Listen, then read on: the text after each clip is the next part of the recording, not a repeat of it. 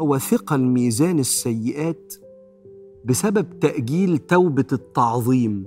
إيه توبة التعظيم دي؟ توبة الاستقامة. فكرة إن أنا مش بتوب من ذنوب معينة. أنا بتوب إن حياتي بعيدة عن ربنا. إن أنا مش من ضمن أولوياتي أسمع الأذان وأقوم أصلي.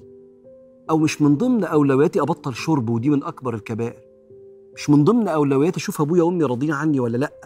في توبة كده اسمها توبة الرجوع والتعظيم. حياتي هتبقى على مرادك يا رب. وأنا على مرادك هغلط وأتوب بس أنا الأصل إن أنا معاك يا رب.